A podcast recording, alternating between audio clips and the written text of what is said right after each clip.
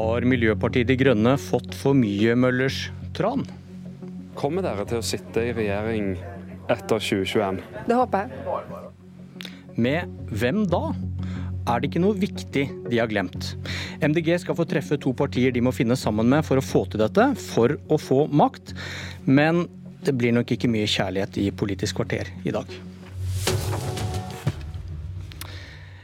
MDG vokser seg sterkere og snakker nå høyt om muligheten for å ikke bare søke makt lokalt, men de åpner for at partiet kan gå i regjering i 2021.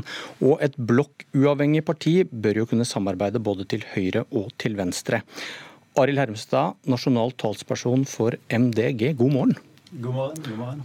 Og til det, til NTB sa du i går, det er bra med diskusjonen som nå er pisket opp i Arbeiderpartiet om et mulig regjeringssamarbeid med MDG etter valget i 2021.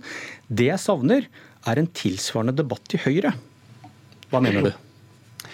Eh, jeg mener jo at eh, Det som kjennetegner den debatten i Arbeiderpartiet, er jo at det er en innrømmelse av at Arbeiderpartiet ikke har god nok miljøpolitikk, og at man er ganske ærlig på at eh, det står noen kamper internt i partiet som, hvor det er ulike interesser, og hvor det er noen som er mer opptatt av å imøtekomme klimastreikerne og miljøbevegelsen.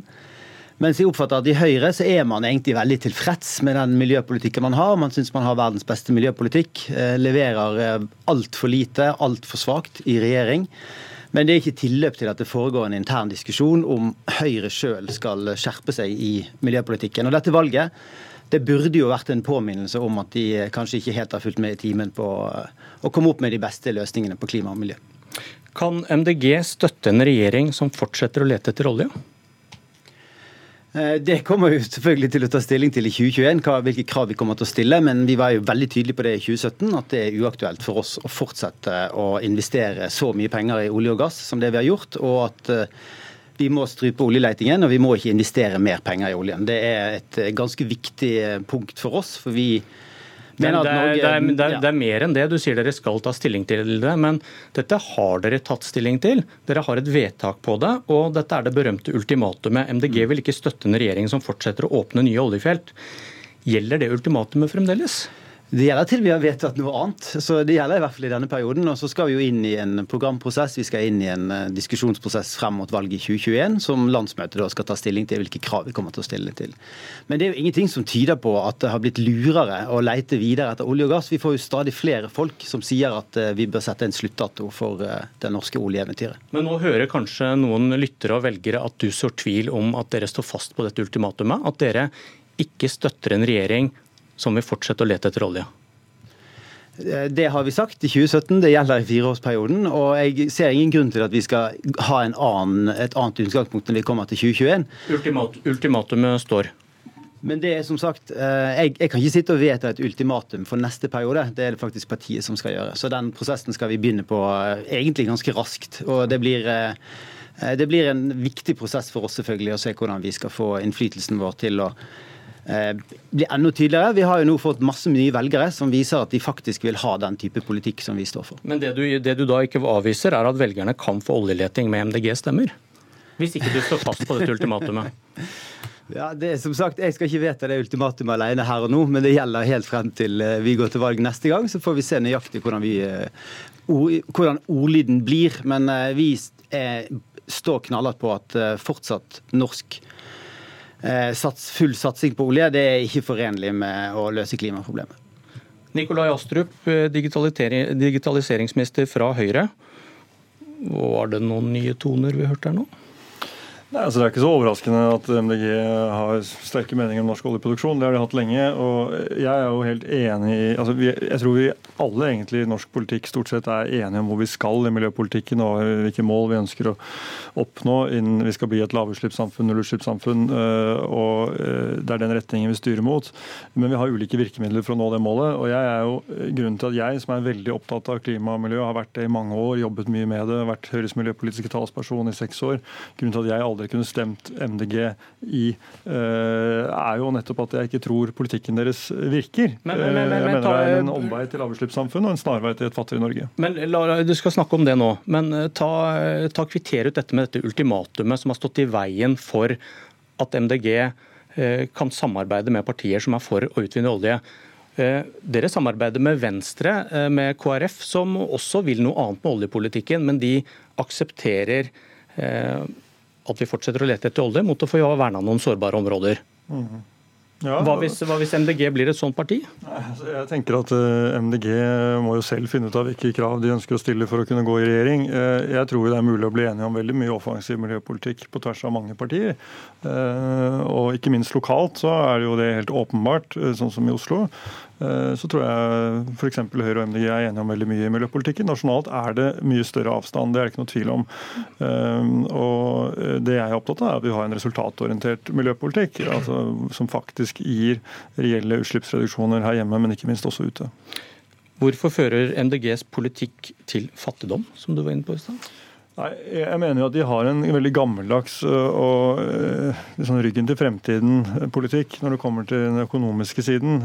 Og det, det, gjelder ikke minst det at de ønsker at vi alle skal jobbe mindre, og at vi i grunnen skal ha null eller negativ vekst. Og Det er ikke oppskriften i en tid hvor vi trenger store investeringer i nettopp et grønt skifte, og hvor vi vet at det kommer til å bli mer krevende å opprettholde velferden fremover. Og Derfor så er jeg redd for at MDGs nasjonale politikk på dette området både truer velferden, som jeg tror alle setter pris på, og eh, som eh, setter oss dårligere i stand til å gjennomføre et grønt skifte. FN har jo anslått at på, på, global basis så må vi investere, eller så kommer det å nå bærekraftsmålene til å utløse et marked på 12 000 milliarder dollar. Eh, og Det er antagelig veldig konservativt anslått.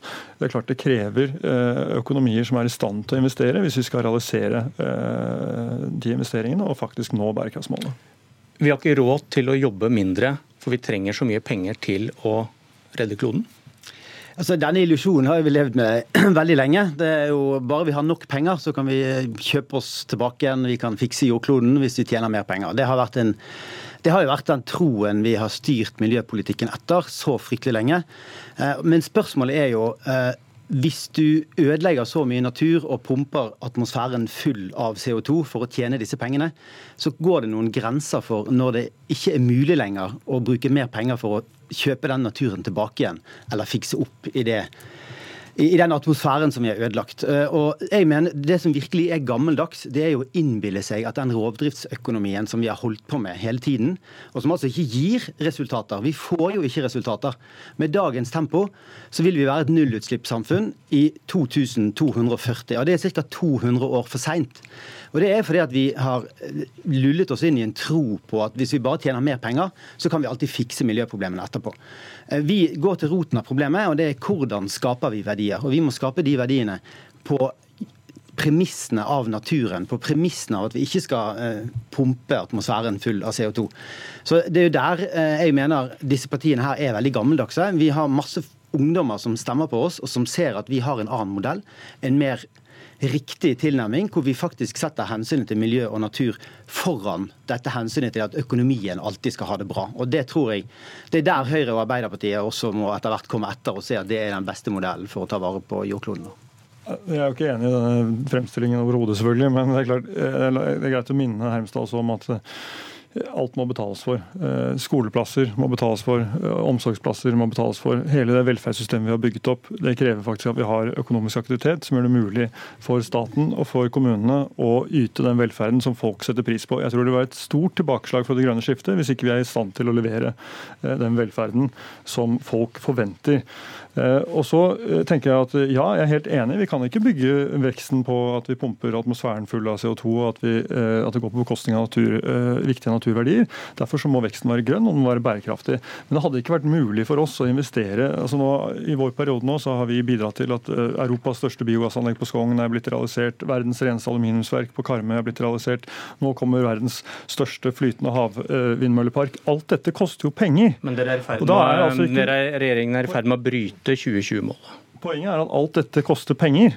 Eh, og, eh, og, Jeg sa allerede i 2012 at det kom til å bli krevende å 2020-målet. Først og fremst fordi at det ikke skiller mellom kvotepliktig og ikke-kvotepliktig sektor.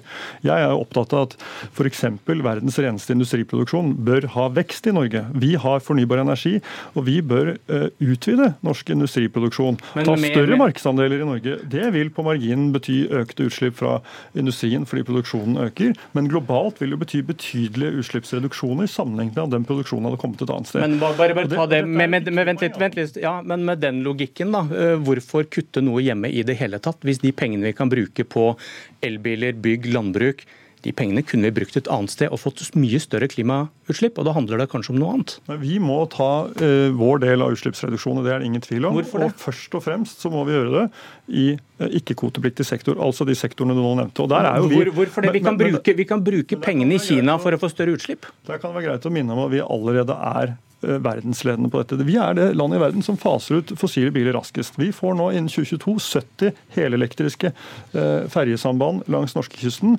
Og vi bygger okay. nå ut verdens største flytende havvindmøllepark. Så det er eh, jeg tror det er på en måte greit å ta med seg det perspektivet også. Det, det skjer ganske mye. Jeg, inn, jeg, innser jeg trenger flere minutter på å få deg til å svare på det spørsmålet jeg prøvde å stille. Vi går videre. Hermstad, jeg tror du må prøve å snu deg mot venstre, og der treffer du han her. Eh, god morgen, Åsmund Aukrust. Du sitter i energi- og miljøkomiteen på Stortinget for Arbeiderpartiet. Eh, for å ta det først, da, Kan Arbeiderpartiet gå med på å slutte å lete etter olje og gass? Nå var det jo ikke det som ble sagt heller. Det ble sagt at det skulle man diskutere fram mot 2021. Ja, Du, hørte, du og, hørte noe nytt der? Ja, nei, jeg hørte, jeg hørte, det som gjelder alle partier. At programmene for 2021 de er ikke vedtatt ennå. Verken hva som skal være programmene eller hva som skal gå til valg på. Nå er det akkurat ferdig med lokalvalg, som jeg mener at de nasjonale politikerne har tatt for stor plass i. Jeg synes det er litt sånn respektløst at vi skal sitte her nå mens det sitter tusenvis av lokalpolitikere og prøver å bli enige i sine kommuner med hypotetiske spørsmål om hva som skal være regjeringsalternativet i 2021. De svarene kommer vi til å få i god tid før valget.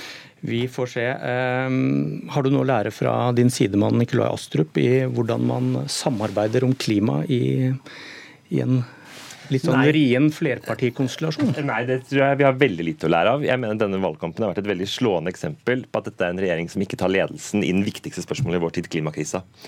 Vi så jo når de, det ble en indre, eh, en, en indre panikk pga. FrPs oppslutning pga. bompenger, at da satte de alle kluter til. Statsministeren avlyste møtet med Angela Merkel, det valgkamputspill ble utsatt. Alt for å bli enige om bompenger, og milliarder kom på bordet. På klimasaken ser vi ikke noen av den samme handlingen.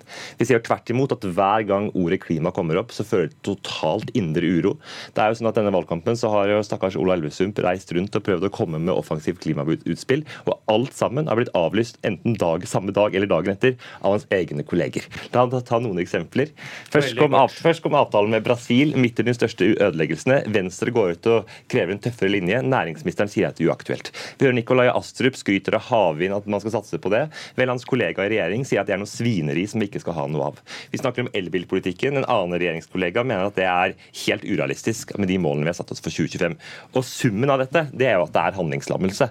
Og Vi ser jo hva resultatene blir. Resultatene er at norske utslippene de dessverre fortsetter å gå opp, når Norge burde gjort som alle andre land, nemlig kutte våre egne utslipp. Og Astrup sitter like rolig og bare ser på deg.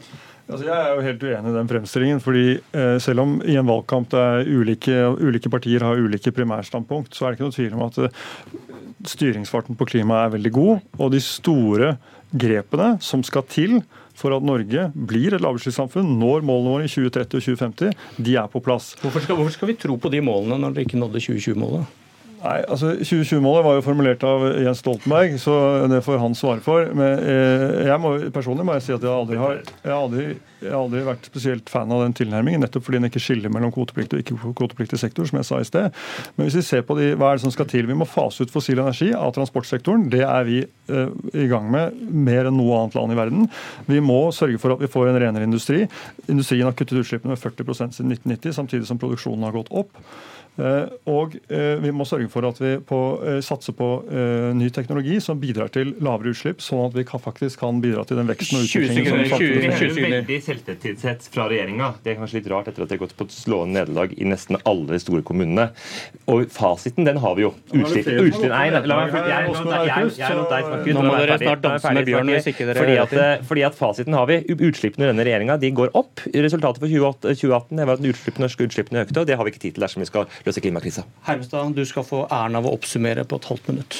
Hovedproblemet er at uh, vi kan ikke snakke om det grønne skiftet til vi blir blå i trynet, uh, og samtidig som vi pøser milliardene inn i den svarte økonomien vår. Det er jo det som er det store problemet. og Det store spørsmålet som begge partiene må svare på, er hva vil vi med oljesektoren hvis vi skal fase ut fossil energi? Ikke bare i transportsektoren, men i hele økonomien. Vi gleder oss til å høre om dere står på ultimatum eller ikke før 2021. Velkommen tilbake da. Dette var Politisk kvarter. Jeg heter Bjørn Myklebust, og nå fortsetter Nyhetsmorgen.